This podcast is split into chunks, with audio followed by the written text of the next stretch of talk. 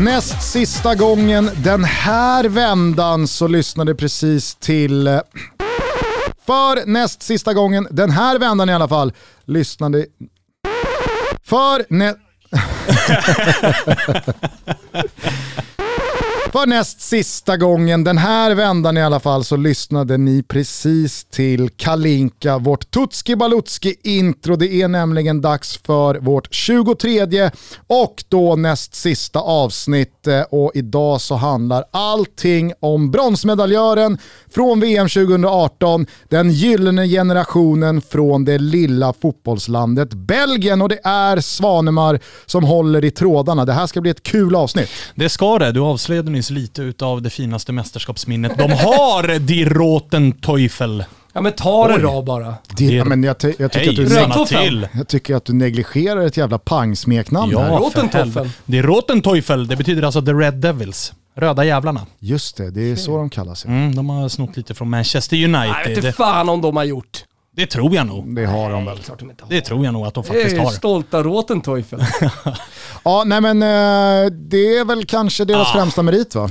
Ja, det är det ju. I alla fall ifall vi kollar i modern tid. Vi hoppar direkt till mästerskapsminnet. De har ju faktiskt en silverpeng i EM från 1980. Det gick ju i Italien. Det var ju bara åtta lag. Men till skillnad från hur det var 92 då, så räckte det ju med att vinna gruppen och då gick man direkt till final. Där torskade man mot Västtyskland. Men eh, de har i alla fall en silverpeng från EM back in the days, men det är ju senast 2018 som eh, de gick in som inte kanske stora favoriter, men en ganska tydlig eh, liksom underdog till att vinna hela rasket och var ju nära, var ju riktigt, riktigt bra genom den turneringen. Ja, verkligen. Eh, jag har lagt många tunga spel genom mitt liv, men ett av mina tyngsta spel någonsin, det var på Belgien i den där bronsmatchen mot England. Ja. Som man visste att Belgien skulle ta den bronspengen. Ja. Tog ju England två gånger den sommaren, för de hade dem ju i gruppen med eh, Panama och Tunisien Det också. var en avslagen historia. På förhand så tänkte man där på kung Karl att oj oj oj, England-Belgien, det kan bli en av turneringens finaste matcher. Men båda lagen stod ju givetvis på sex poäng efter Tunisien och Panama och luftade trupperna rejält. Mm, så eh, var det definitivt. Så att, eh, men den tredje platsen ifrån eh, VM är ju såklart det som smäller allra högst. För att VM är VM. EM på 80-talet, det har vi lärt oss att det var ganska enkelt ändå att ta sig hyfsat långt. Kommer ni ihåg Prenom? Ja, för fan. Han eh, blev ju eh, utsedd till mål. Även kallad. Han blev ju utsedd till målvakt i världslaget 94. Eh, snuvade väl Ravelli på, på den posten. Ja. Annars minns man ju också... belgisk målvaktsinsats VM 94. Annars minns man väl också när vi hade dem i något EM, när bröderna Mpensa eh, slaktade Hansa, oss. 2000. Ja, exakt. Emil Pensa... Satt man i Rålis, hade precis sjungit uh, Hat i Göteborg inför uh, ja, det var väl 10, 12, 15 tusen i Rålis. Så hade Aftonbladet en liten sån här, ja vill man komma upp och sjunga ramsa på scen? Wilbur åtta bärs in, kör Hat i Göteborg, får hela Rålis med sig. Eh, bara som en motpol då till eh, Prenoms fantastiska målvaktsinsats 94. Kommer ni ihåg Philippe de Wilde? Keepern i Belgien 2000. Absolut. Han stod väl för en av EM-historiens sämsta målvaktsinsatser den turneringen. Släckte ju någon turk ute vid Ja, ja. sidlinjen i en av de mest otajmade utrusningarna jag kan minnas. Eh, annars då, senaste EM var ju faktiskt en ganska stor besvikelse då man ju eh, gick väldigt starkt. Man slaktade ju Ungern i första slutspelsmatchen med 4-0 men åkte ju sen mot eh, Wales. Precis, vi var väl inne på den matchen i Wales-avsnittet. Mm. att det är en av de större knallarna eh, sett till när när i turneringen den skedde. Mm, det var ju också då de eh, släckte Zlatans första tid. Vi trodde att det var över då. Just det, eh, just när de skickade ut oss då, Radja Naingolans distansskott. Så att de har ju ett par minnen, både ett par fina men också ett par mörka. För det förra EMet var ju också så att många trodde att fan Belgien, de kan nog gå hela vägen med tanke på det laget de hade. De har ju fått fram en, en jävla generation här. Ja. Men berätta hur det här stjärnbeprydda landslaget tog sig till EM då? Genom en total slakt får vi faktiskt lov att säga. De hamnade i samma grupp som Ryssland, Skottland, Cypern, Kazakstan och San Marino. Torskar man inte många matcher? Inte en enda och inte heller ett kryss, utan 10-0-0 Eh, får vi ändå säga att det är otroligt imponerande. Vi har ju hört ett par av de här större nationerna också ta sig vidare enkelt, men det dyker ju alltid upp något poängtapp. England, som vi brukar prata om, alltid hamnar i en lätt grupp. De tappar ändå borta mot Tjeckien, men Belgien gör jobbet och säger vad man vill om Ryssland och Skottland. Inga roliga bortamatcher att åka till och många stora nationer är nog ganska nöjda med krysset där, men Belgien kör ju över dem eh, fullständigt. Slutar alltså på 10 vinster, 40 40 gjorda mål, 3 insläppta. Det är, det är sanslösa siffror. Mm. Har väl fortsatt på inslagen väg sedan dess va? Ja, det har de ju gjort. Eh, Nations League Grupp A, där hamnade man ju tillsammans med Danmark, England och Island. Resultatet där nästan identiskt. Det är fem segrar, noll kryss, en ynka torsk, uddamålet borta mot England. Så den gruppen vann man ju. Jag kommer ihåg eh, en av deras matcher mot Danmark i höstas, när eh, dansken, tror jag, sent får in 2-2 vid ett självmål. Och det är typ i 85. Då var det som att Belgien bara tryckte på en knapp. Oj, fan nu är det bara fem minuter kvar och mm. vi har inte segern. Ja, då får väl gå upp och göra ett mål då, och så gjorde de två. Ja, ja. Det, är, ja. det är så det har funkat. I VM-kvalet har det ju faktiskt börjat, för att vara Belgien då, har vi lärt oss, lite knackigt. eh, man har ju Tjeckien, Wales, Belarus i de, i de två mm. första där. Matcher som ska ah, men, liksom vinnas, ja. men framförallt eh, det ska till lite pannben och ja. tas, tas på allvar så att säga. 1-1 mot Tjeckien, så poängtapp, men sen då så vart det ju 3-1 mot Wales och 8-0 mot eh, Belarus. Ja. Så att det är ju, det är ju den vägen i kvalet som eh, det har varit och i Nations League här, att man, man kör ju över det mesta med ganska stora siffror dessutom. Är inte också känslan att man lite underskattar berättar eh, att VM-kvalet faktiskt för första gången har dragit igång med bara några månader till EM. Att det finns några procents fokus på nu i sommar och att det präglade lite insatserna här i våras. Att det, det, är EM som är viktigt, det är inte VM-kvalet. Alltså det är klart att det är viktigt, men för just Belgiens del så tror jag att de kommer efter i sommar ja, men då kommer de börja lite på ny kula när det är dags för sluttampen av VM-kvalet och så kommer de göra det som krävs. Dels det och sen ska vi ha med oss att det här VM-kvalet spelades ju när många av eh, de här spelarna var inne i eh, viktiga skeden i sina ligasäsonger. Vi vet att vissa lag, till exempel Inter, där vi har Lukaku, de släppte inte iväg spelare till det här VM-kvalet. Så det var nog en del spelare som, dels som du säger, de vet om att de löser det här i alla fall, men också i sina klubblag hade en del fokus på annat och kanske tänkte att vi behöver inte direkt gå på 100% i de här första två, tre matcherna i, i kvalet. Ska vi prata lite om eh, förbundskaptenen då, Roberto Martinez? Ja, det är ju faktiskt en ganska spännande lirare som ju är spanjor men som ju har tillbringat majoriteten av sitt fotbollsliv på de brittiska öarna. Det är ju en gammal defensiv mittfältare som är från Zaragoza men lyckades aldrig ta en plats där och istället så blev det Wigan. Yes. Och därefter så har det varit eh, både spel i Skottland men också i England. Och så som tränare då så, eh, så är det framförallt på de brittiska öarna med en, han satte ju en trend i Swansea där han blev den första tränaren att bli lite mer spelande, lite mer åt det spanska hållet. Och det är en trend som Swansea därefter har försökt att hålla i med Brendan Rodgers, med Laudrup och med Potter. Tog de inte Pepe Mell också? Eller var det West Brom han gick till? Ja, det kanske ah, var West Brom. det tror jag var West Brom. Men det, det, han i alla fall satt en liksom standard i Swansea som sen har spritt ut sig över de brittiska öarna. För det har kommit fler och fler influenser därifrån. Men eh, Tog Swansea... väl Wiggen hela vägen till en fa Cup-final? Ja, exakt så. Han vart ju känd, numera är han ju känd som El Judas i Swansea i och med att han drog till Wiggen. El Judas. Ja, det är ju britternas eh, fantasifulla smeknamn. Så är han Judas, ah, han är från Spanien, så vi får dra till med ett L.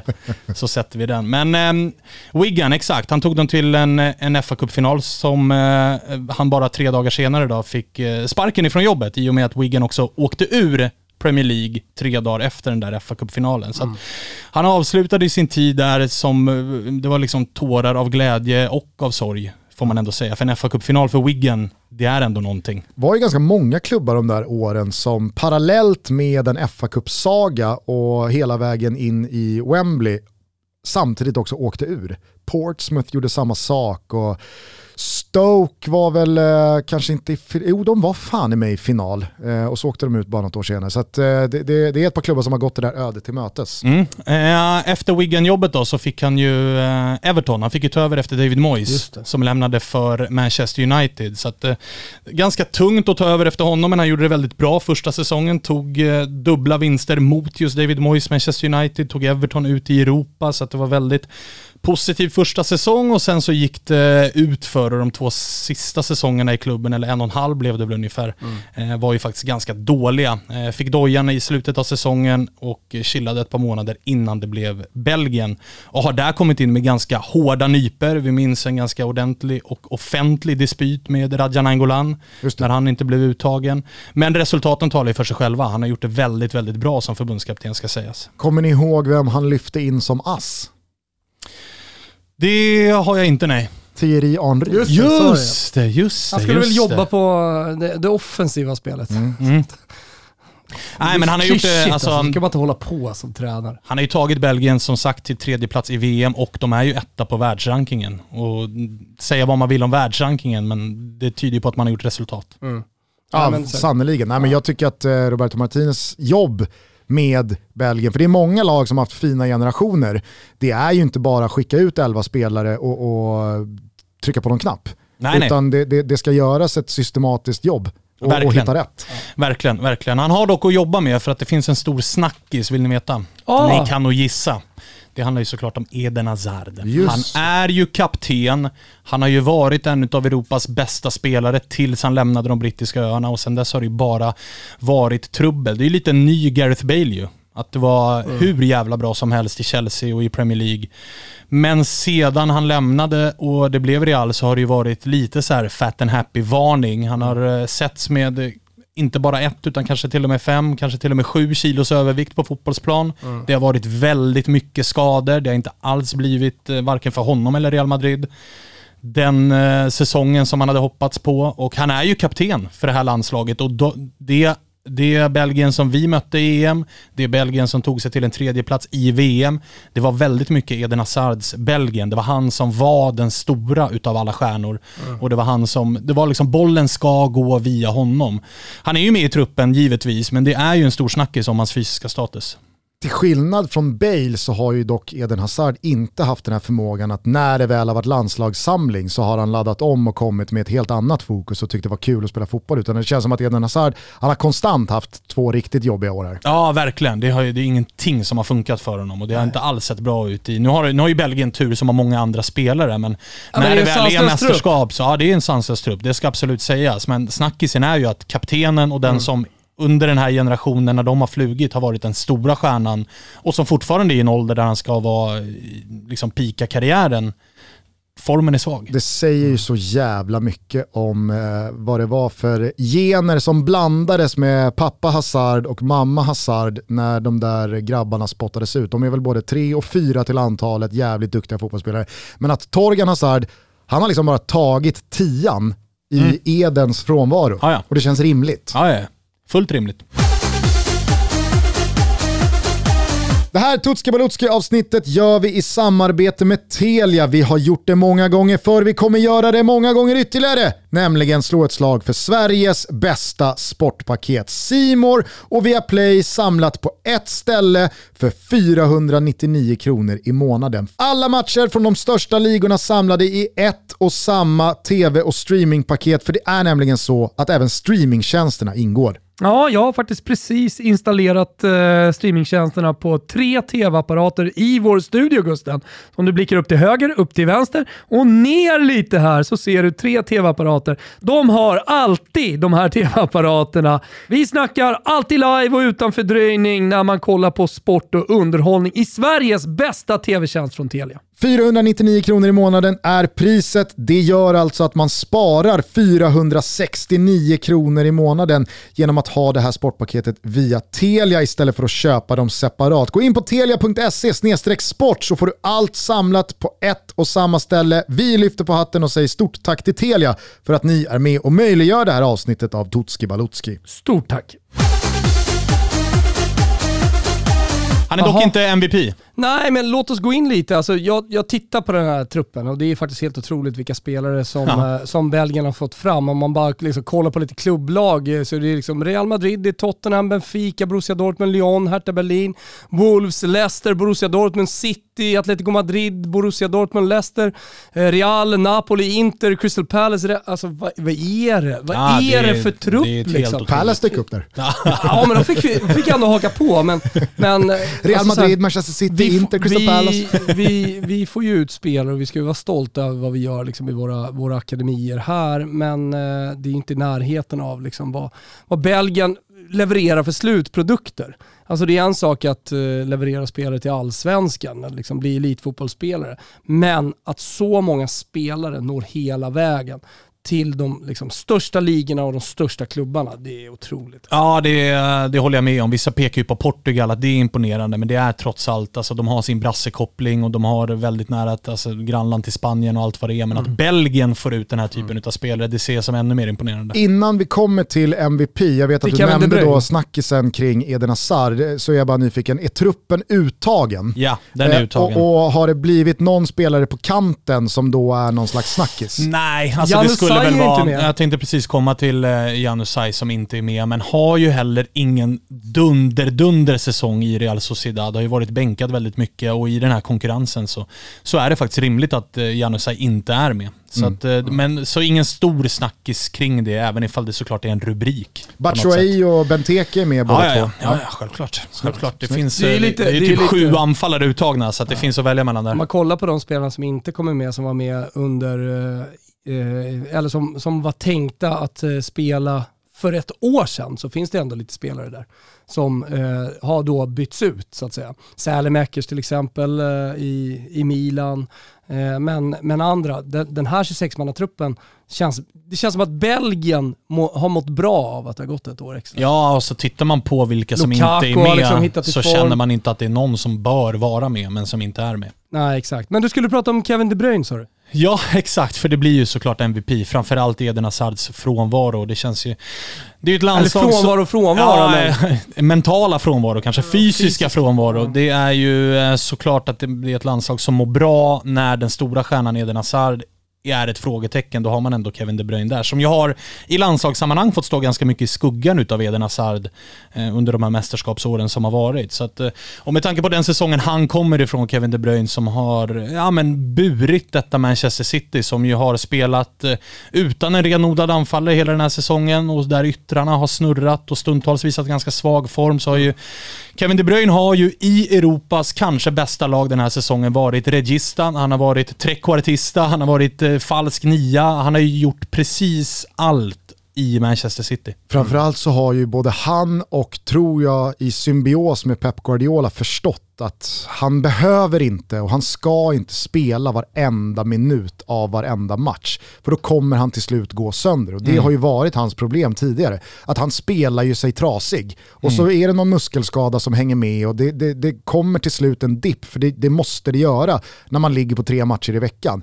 Den här säsongen har ju Pep Guardiola och eh, Kevin De Bruyne varit bättre på att ja, men rotera, byta ut honom i tid, faktiskt ställa över honom vissa matcher när eh, resultat och ligaposition har tillåtit det. Så att eh, jag, jag, jag, tycker att eh, Kevin De Bruyne kommer i en jävligt mycket mer intressantare fysisk form nu än vad han hade gjort för ett år sedan. Och dessutom så kommer ju, alltså hans landslagsspel har ju blivit kanske inte riktigt lidande, men det har ju varit ett landslag som har kretsat runt Eden Hazard och Kevin De Bruyne har behövt förhålla sig till det.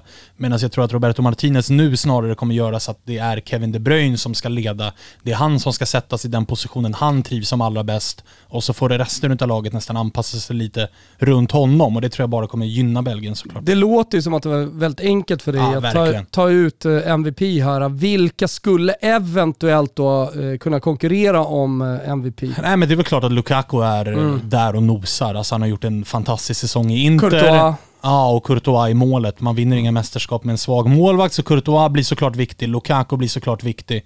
Eh, men Kevin De Bruyne är liksom, han kommer vara... Alderweireld är väl någon slags toppgubbe i, ja. i försvaret. Ja.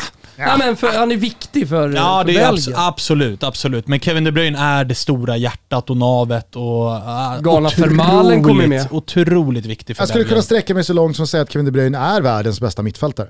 Och då är det ganska givet, eh, även fast han har en stjärnspäckad eh, lagkamratsgrupp eh, att förhålla sig till, att han är viktigast. Ja, och jag tror som sagt, jag tror att Roberto Martinez först och främst tittar på hur ska jag formera det här laget så bra som möjligt för Kevin De Bruyne. Och ja. då blir han MVP. Det, ja. det går inte att vara tydligare än så. Ja. Vem är stjärnskottet då? Det finns ju en hel del etablerade spelare mm. i det här laget som har varit med länge. Gissa på att du har tagit fram Jeremy Doku. Exakt så, för det är ju som Gusten är inne på, de flesta är runt 30 och är i sin peak och det är spelare som vi känner till. Men Jeremy Doku är ju faktiskt eh, en ny pigg, alltså det är så mycket stjärnskott det kan bli ju med tanke på den säsongen han gör. 18 bast gammal och tar plats i den här truppen och har dessutom presenterat sig i landslagströjan ett par gånger här under det senaste året. Då. Fick ju debutera under 2020, gjorde ju mål direkt under första samlingen. Offensiv ytter, spelar sin fotboll i Rennes i eh, den franska ligan. Kom dit som stor talang ifrån eh, Belgien, kostade bra jävla mycket pengar. Hade lite knackig höst och har, har ju fått lite av en stämpel att vara lite målsumpare. Han skapar ju otroligt mycket målchanser. Skicklig en mot en, snabb, avig, teknisk, men får lite kritik för att det bränns också en Fila del. på lite slutprodukter, Ja, men är men man det- född 2002 så Exakt, han är 18 bast. Alltså, det tid. Ta det lite lugnt. Men han har faktiskt varit riktigt bra här under våren och eh, blivit bättre även i, på produktiviteten. Då. Så att, eh, han kommer nog få en hel del eh, speltid. Inte från start, men eh, han kommer få inhopp runt 60-65 och då, kom, då får lag sig upp alltså. Ja, spännande. Mm. Eh, jag jag eh, kommer på här nu att vi inte har eh, satt förutsättningarna för Belgien med grupp och sådär. Det kanske vi bara ska nämna. Ja, men det kan vi absolut göra. De inleder ju mot Ryssland i Sankt Petersburg. Sen har man Danmark och Finland. Just det. Eh, Och eh, Danmark möter man i Parken Ja. i, i Köpenhamn. Jajamän. Man spelar mot Finland, vart då någonstans? Ja, det är bortaplan för Belgien, hemmaplan för Finland, så det är Sankt Petersburg. Ah, Okej, så att, eh, två matcher i Sankt Petersburg, en Mm. Ja. i Köpenhamn. Ja, men en hyfsat liksom, fin grupp. Ja, jag tror inte Roberto Martinez var allt för eh, knäckt när lottningen föll Nej, så. och med tanke på att det är Finland, alltså här, här tänker man sig ut bästa laget i de två första och så en ganska kraftig rotation i sista. Det är väl så planen ser ut för Belgien, gissar jag. Eh, vem är eh, vår gubbe? Är det, är, är det någon som ska kanske du dribbla bort spelar Dries i? Napoli? Ja, alltså det, det är kanske den aktiva fotbollsspelare jag älskar mest i hela världen. Det är Såklart Dries Mertens. Det, det finns liksom ingen finare fotbollsspelare i mina ögon än eh, Dries Mertens. Sacco det, då? det, ja, det Enligt Dopa. kom ju inte med i finska truppen tyvärr. Så att det, Han gjorde inte det? Nej, han gjorde inte det Sacco. Så att det blir ju, då, då blir det ju Dries Mertens. Men nej, jag, jag, jag älskar honom. Han är en otrolig, otrolig fotbollsspelare till att börja med. Har ju, alltså, har ju gjort många år i Napoli, såklart en, en levande Han är legendar. Ja, exakt. Han är ju Ciro Mertens nere i Neapel. Har gjort flest mål i klubben genom historien och eh, trots att han kom som, han kom ju som en, eh, liksom, från ingenstans från PSV Eindhoven, en budgetgubbe som fick kriga och det var ju under Sarri som, som skolade om honom från ytter till nia som det verkligen började flyga. När Milik gick sönder va? Milik gick sönder, Iguain hade dragit och då kom Mertens och bara skyfflade in bollar och eh, har varit jättefin sedan dess. Och det är någonting med personligheten också. Följer man honom på sociala medier så är det ju en underbar, eh, liksom både på Instagram och på Twitter så är det, det är en rolig jävel. Han brukar- hatar inte att gå på maskerad. han hatar inte att gå på maskerad, han hatar inte, han är vass på captions. Det finns ett par, Lukaku firade något mål och det ser ut som att det, det pågår en, ja men någon form av sexuell aktivitet och han eh, kommer med fyndiga captions som att så här, lugn nu Lukaku, du behöver inte tacka mig med, med en sån grej. Och eh, dessutom ganska fyndig med sig, han har ju kändisfru såklart ifrån Belgien, de två är också väldigt fyndiga ihop på sociala medier. Han har det- väl också någon grej med eh, någon materialare i Napoli. Ja men exakt, det är ju eh, baristan, lagets barista. som han har, alltså när resten av laget, när det är en Kommer ut le- med mockabryggan. Exakt, när det är en ledig dag och resten går och liksom mysigt sh- Lavazza-kaffe sådär. i, i eh, de, de, de små men finare delarna utav Neapel, då tar ju Mertens båten ut med lagets barista och lägger sig och solar utanför, inte Capri utan utanför Ischia såklart, för att han är ju napolitano nu. Så att han håller till i de kvarteren. Så att han, han, han verkar vara en jävla fin person också. Och som fotbollsspelare, alltså tillslaget, det vill jag bara nämna här, för att det är ett speciellt tillslag han har på bollen. Vi har ju sett han göra, han är bra på att göra spektakulära mål. Det finns en YouTube compilation som är fin med Mm. ett par lobbar över Joe Hart och ett par frisparksmål och ni minns säkert den där mot Lazio borta när Strakosha är ute långt och han hittar någon vinkel och oerhört skicklig frisparksskytt. Så att han, Han, är är inte lite av en ordinarie. joker i det belgiska landslaget Ja, också. alltså, perfekt att kasta in. gubbe att ha med i ett mästerskap. Ja, ja, ja. Perfekt att kasta in sista kvarten när det ska jagas en boll i kvartsfinal. Men nu undrar jag, med tanke då på Eden Hazards dokumenterat väldigt svajiga eh, form och eh, fysiska status, eh, är Dries Mertens en man för startelvan här eller? Jag tror nog inte det ändå. Alltså han, har, han är ändå ett par år gammal nu och jag tror att Eden Hazard kommer att gå först när det väl, eh, när det väl eh, är dags för mästerskap. Han har ju, ja men Mertens har haft lite problem med skador den här säsongen i Napoli, har inte varit helt eh, given långt därifrån. Och därför så tror jag att det, han får svårt att ta en starttröja. Men, men som joker och kasta in kommer han att användas ganska flitigt. Och i den där sista matchen mot Finland, där kan det säkert bli en starttröja för Mertens. Eh, innan vi släpper Mertens, jag har bara två eh, tankar här. Eh, ett, eh, att han kallas då Ciro Mertens i Neapel och Italien. Alltså, är, är, det, är det bara taget eller finns det någon slags eh, background story på varför Nej. det blev Ciro? Nej, utan det är bara alltså Dris, Chiro, Chiro, Ja, det är- fyra, det- fyra Chiro kan du bokstäver. kalla vem som helst. Ja, ja. Chirucho, Chiro liksom. Det- Dries är väl fem bokstäver? Ah, förlåt. Jag glömde i Chiro där. är, kan du kalla vem som Ungefär lika många bokstäver. Det är Ja inte men så okej, noga det där. Chiro är någon slags typ... Eh, Generalsmeknamn kan Ja. du kalla liksom. Det är någon slags Pelle det eller Jocke ja, ja. eller... eh, Visst. Ja, och det är ett vanligt eh, namn i Neapel. Chiro Immobile är ju från eh, Neapel. Så det, det, det är ett gångbart De har gjort italienskt om honom. namn De har som gjort honom till napolitan. Ja, det, är inte det- så, det är inte svårare än så. Det är bara Ja, okej. adopterad helt enkelt. Eh, och sen så undrar jag om ni håller med mig eh, att eh, trots eh, Dries Mertens eh, oerhörda målfacit i eh, Napoli framförallt, han har ju gått och blivit klubbens bästa målskytt eh, genom historien med, med ganska så god distans ner till Marek Hamsik, eh, så känns han ständigt underskattad. Det Ja. känns inte som att han har fått det erkännande som han faktiskt förtjänar. Nej, verkligen inte. Också i en klubb som Napoli när det är ganska många, alltså det är många vaniljcykeln, så är Mertens ofta en spelare som har klivit fram och avgjort matcher som har stått och lutat lite grann. Man minns från förra säsongen Barcelona hemma i den där åttondelsfinalen där man åker ut visserligen, men man vinner hemmamatchen efter att Mertens har dunkat upp en boll i krysset. Och, äh, det är, jag håller med dig, fruktansvärt underskattad spelare som äh, bör ha fått ett... Det det är väl för att han spelar i Napoli helt enkelt, som han inte har fått det erkännandet som han kanske förtjänar. Tutski Balutski är sponsrade av Gillette och deras one-stop shop King C Gillette. Sist så kunde ni höra Thomas med en uppmaning till Joshua Kimmich att han borde skaffa ett Daniele De Rossi-skägg och med hjälp då av King C Gillettes beard trimmer eh, hålla det fint och fräscht men också med hjälp av deras produkter Beard and Face Watch och Soft Beard Balm underhålla skägget som han då ska lägga sig till med. Jo, men jag tänker så här, De Rossi var ju väldigt yvig i sitt. Liksom. Jag tänker att han ska vara lite mer organiserad tysk. Idag så tänkte jag vända mig till en svensk landslagsspelare som faktiskt sitter inne redan på ett bra skägg och som då kan behöva lite tips och hjälp med att eh, vårda det. Jaha. Det är nämligen vår gode vän Ponny Jansson. Äh, Pony! Ja, han har ett väldigt fint skägg. Ja, ja. Och då tänker jag, för att förhoppningsvis så blir det här EM-äventyret eh, en bra bit över en månad eh, långt.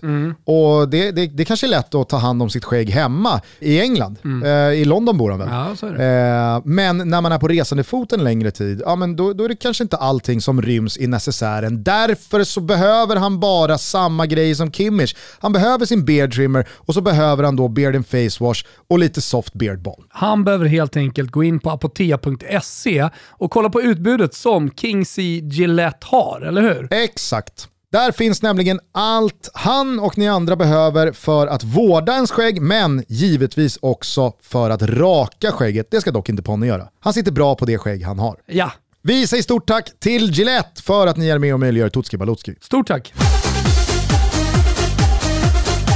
Jag fattar att Dries Mertens är vår gubbe. Jag eh, tycker givetvis att det är rimligt att han inte går som stjärnskott och jag håller med om att Kevin De Bruyne är MVP. Men eh, måste vi inte säga någonting bara om Romelu Lukaku?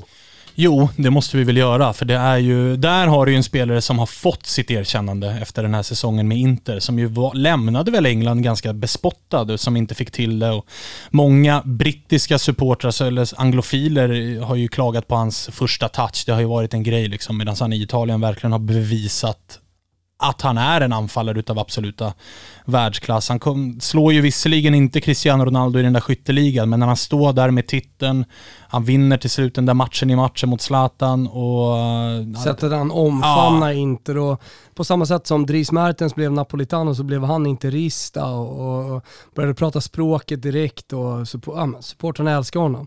Och Ja, han spelar sin verkligen. bästa fotboll, han har spelat sin bästa fotboll i karriären Ja, och dessutom i Belgien så är han ju lika bra där, om inte ännu Men bättre. ett Alltså, han öser som- ju in mål i Ja, Belgien. 59 mål på 91 matcher. Ja, det är Helt helt otroligt, det är otroliga siffror.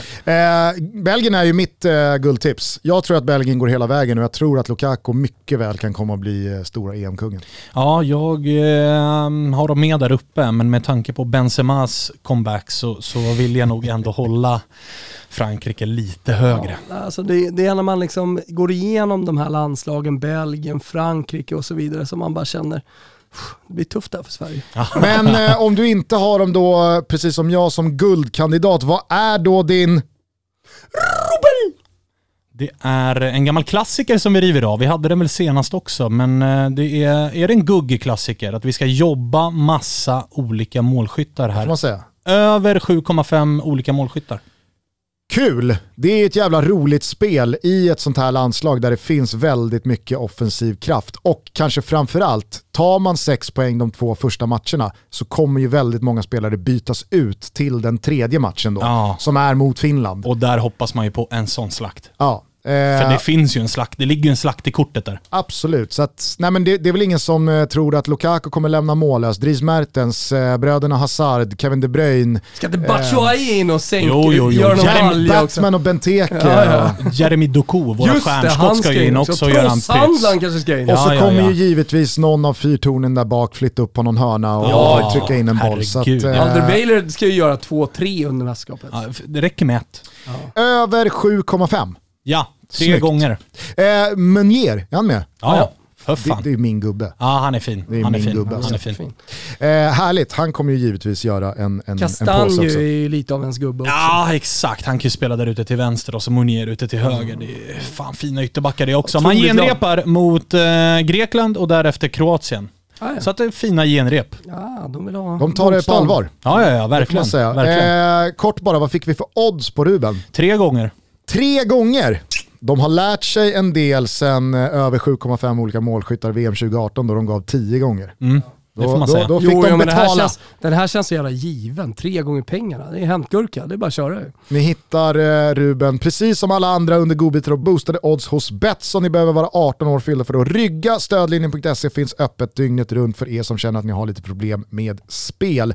Okej, då har vi alltså genrepen klara för oss. Vi har gruppen, vi har förutsättningarna, vi har truppen, vi har förbundskaptenen, vi har fan Tutti. Ja, jag tycker Ja. att vi har Tutti. Och alltså det, man får ta med sig att det är en ruskigt bred trupp och det finns spets på bänken att skicka in om det är så att eh, en startspelare inte funkar. Det här är ett lag eh, som tillsammans med eh, Frankrike, kanske Spanien, men de stora nationerna ska göra upp om titeln. Ja, ja, och får de bara, alltså träffa bara Eden Hazard rätt, då kan det bli en riktigt rolig sommar. Fan vad Thomas Behöver inte inte går ens. med på oddsfavoriterna England här, att de ska ha någonting med slutsegern att göra. Glömde jag dem? Näm, fan. nämnde du Italien? Nej, det, det, det behöver jag inte göra. Nej men okej, det här var alltså Die Roten Toffel. Det, det, det är åt en Teufel. Die Roten Teufel. Stolta flamländskan. Hörni, eh, vi hörs imorgon igen. Då går Tutski Balutski i mål. Vi gör det med Thomas avsnitt om Spanien. Spanien. Hörrni, det ska bli intressant att se vad Kimpa kickar ut på eh, i det här avsnittet. Ja. Belgisk folkmusik kanske, vem vet? Vi hoppas. Ja, Hörni, vi hörs imorgon igen. Det Ciao, gör vi. Tutti. Ciao. ciao Tutti.